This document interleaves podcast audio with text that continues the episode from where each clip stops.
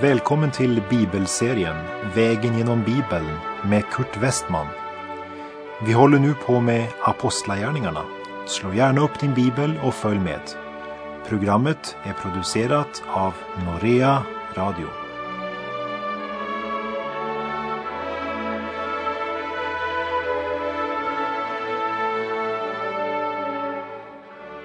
På vår vandring vägen genom Bibeln har vi nu hunnit till kapitel 27 i Apostlagärningarna och till den sjöresa som vi egentligen kunde kalla för Paulus fjärde missionsresa.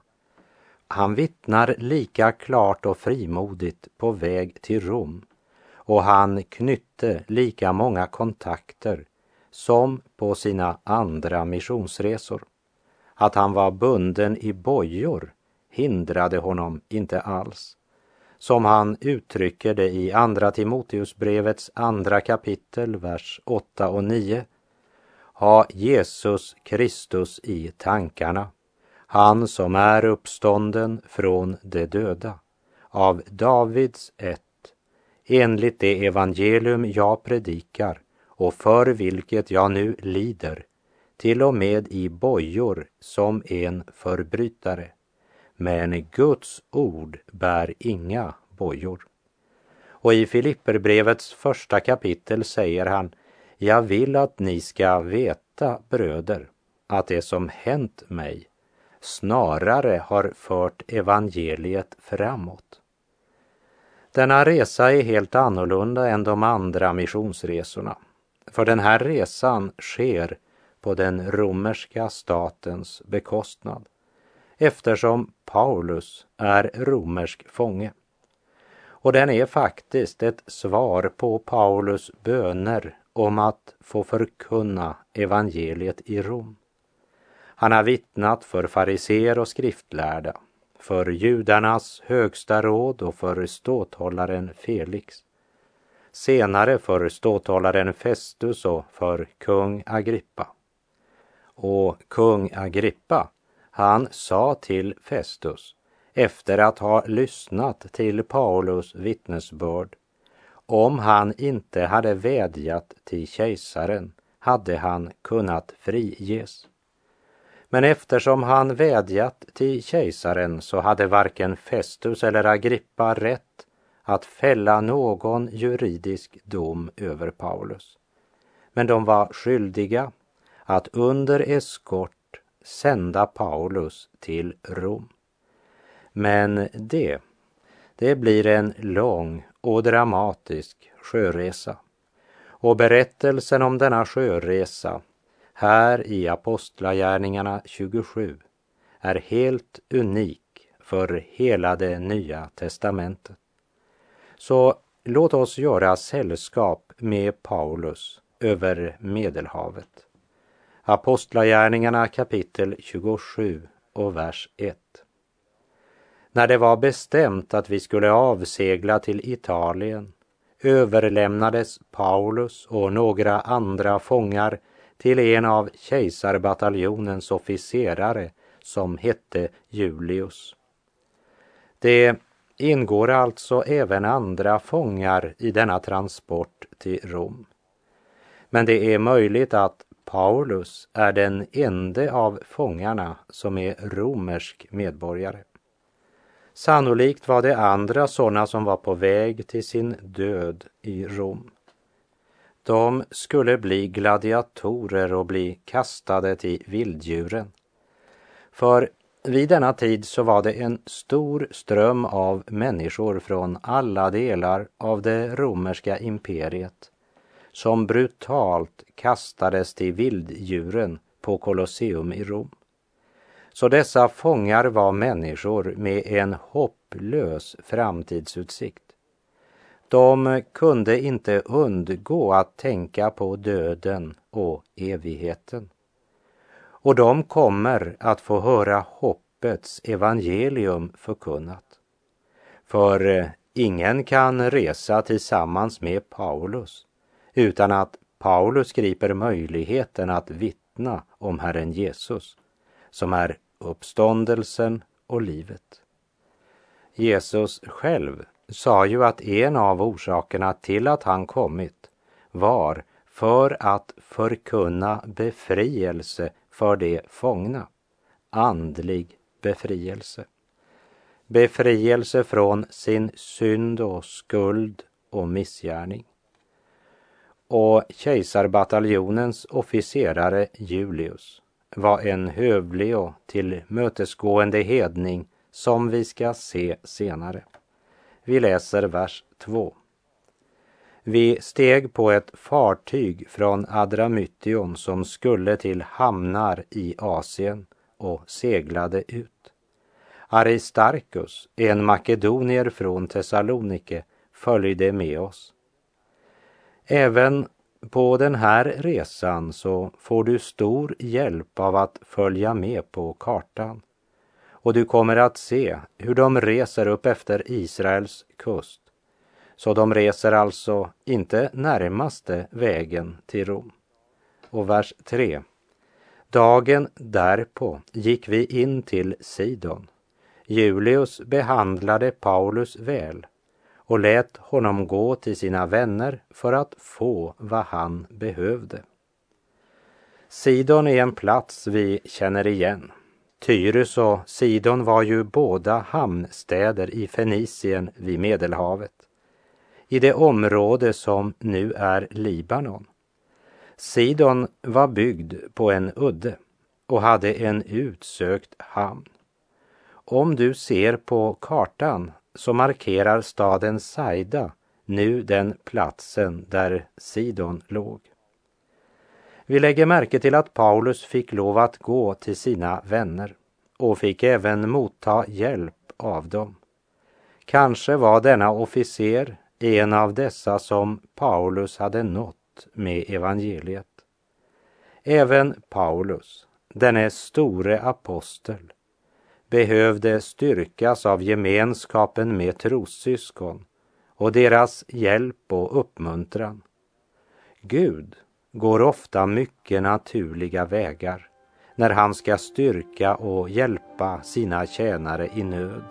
Låt oss aldrig glömma det.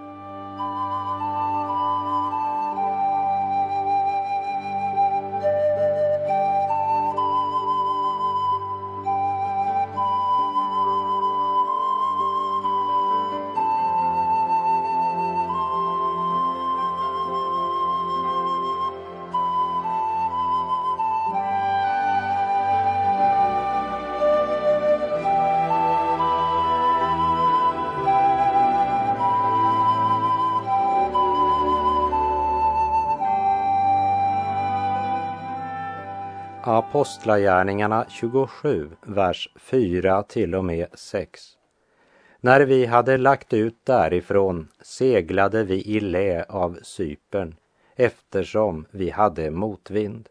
Och efter att ha gått över öppna havet utanför Kilikien och Pamfylien kom vi till Myrra i Lykien.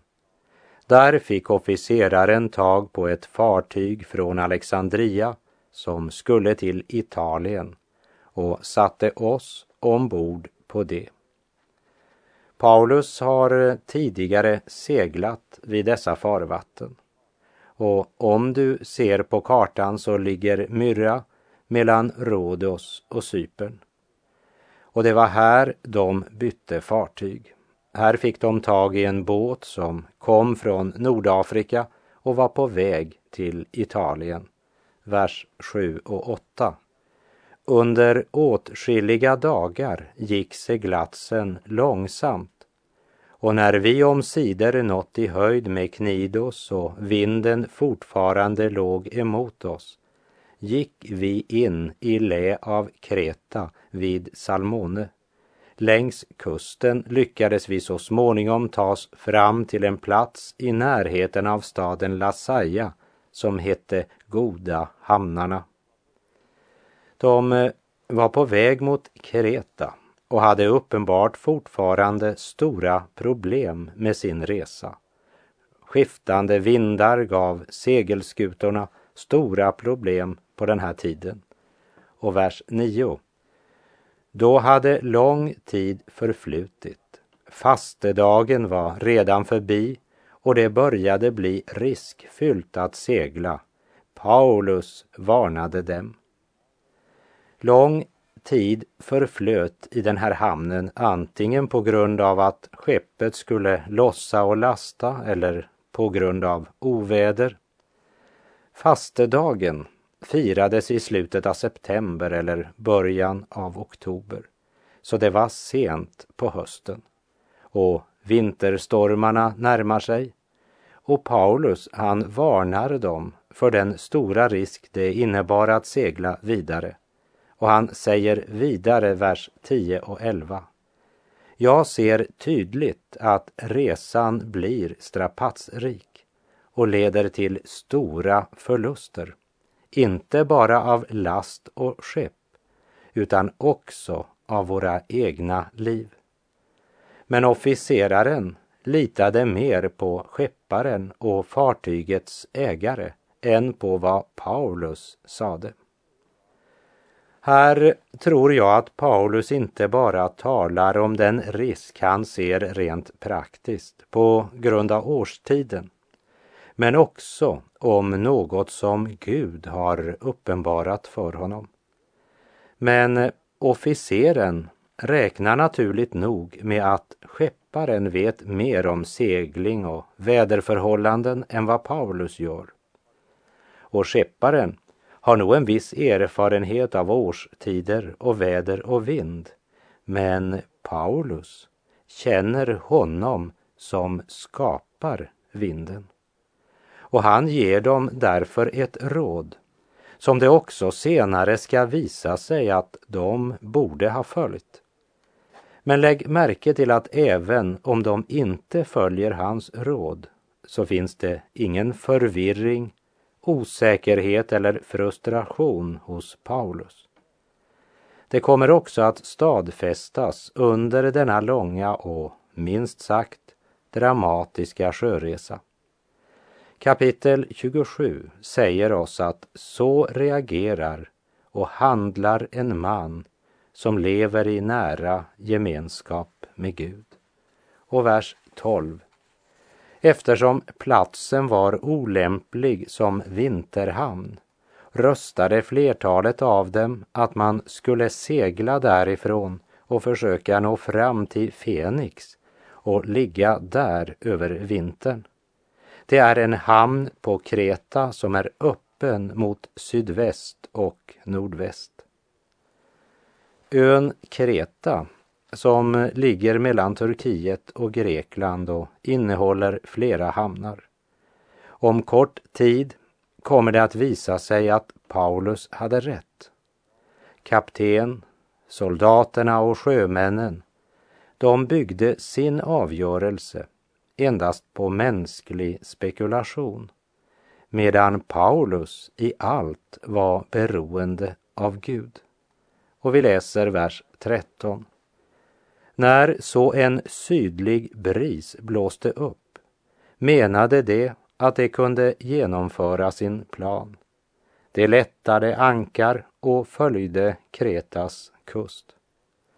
Byggd på mänskliga antaganden och optimistiska gissningar så seglade man vidare.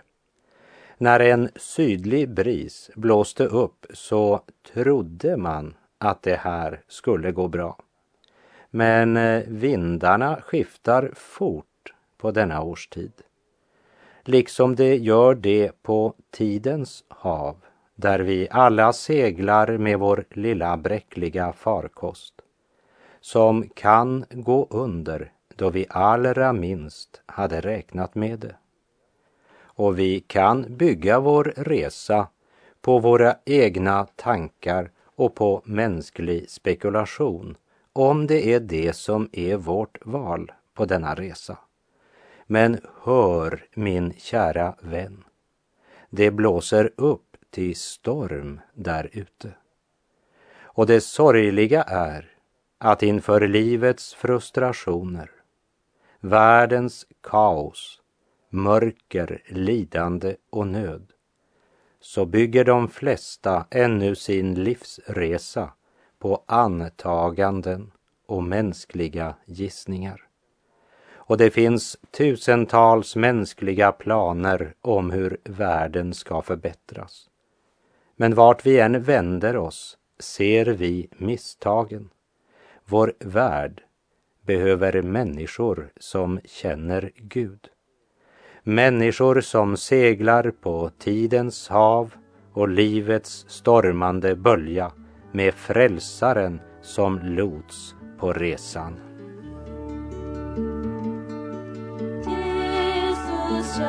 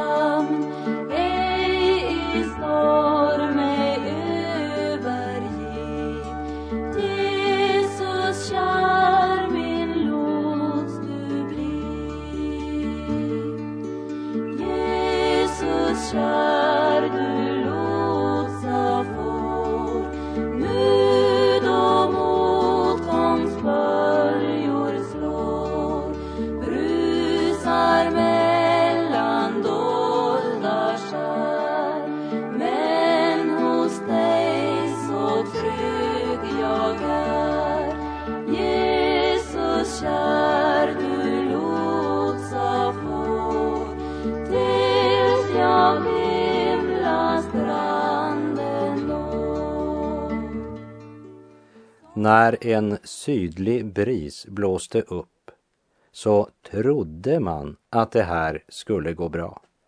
Men vindarna skiftar fort på denna årstid.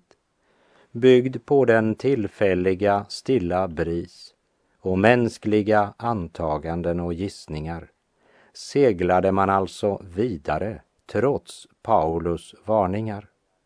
Och vi läser Apostlagärningarna 27 vers 14. Men det dröjde inte länge förrän en våldsam storm, den så kallade nordosten, svepte ner från land. Ja, den som bygger sitt liv på tidens vind hamnar lätt i blåsväder. Och den romerska officer och alla ombord var nu fångade i en våldsam storm. Men här vill jag påminna om något intressant. Som du minns från Apostlagärningarnas 19 kapitel när många kom till tro och bekände Jesus som Herre och de som bedrivit trolldom samlade ihop sina böcker och brände dem offentligt. Evangeliet fick genom Herrens kraft ökad framgång och styrka.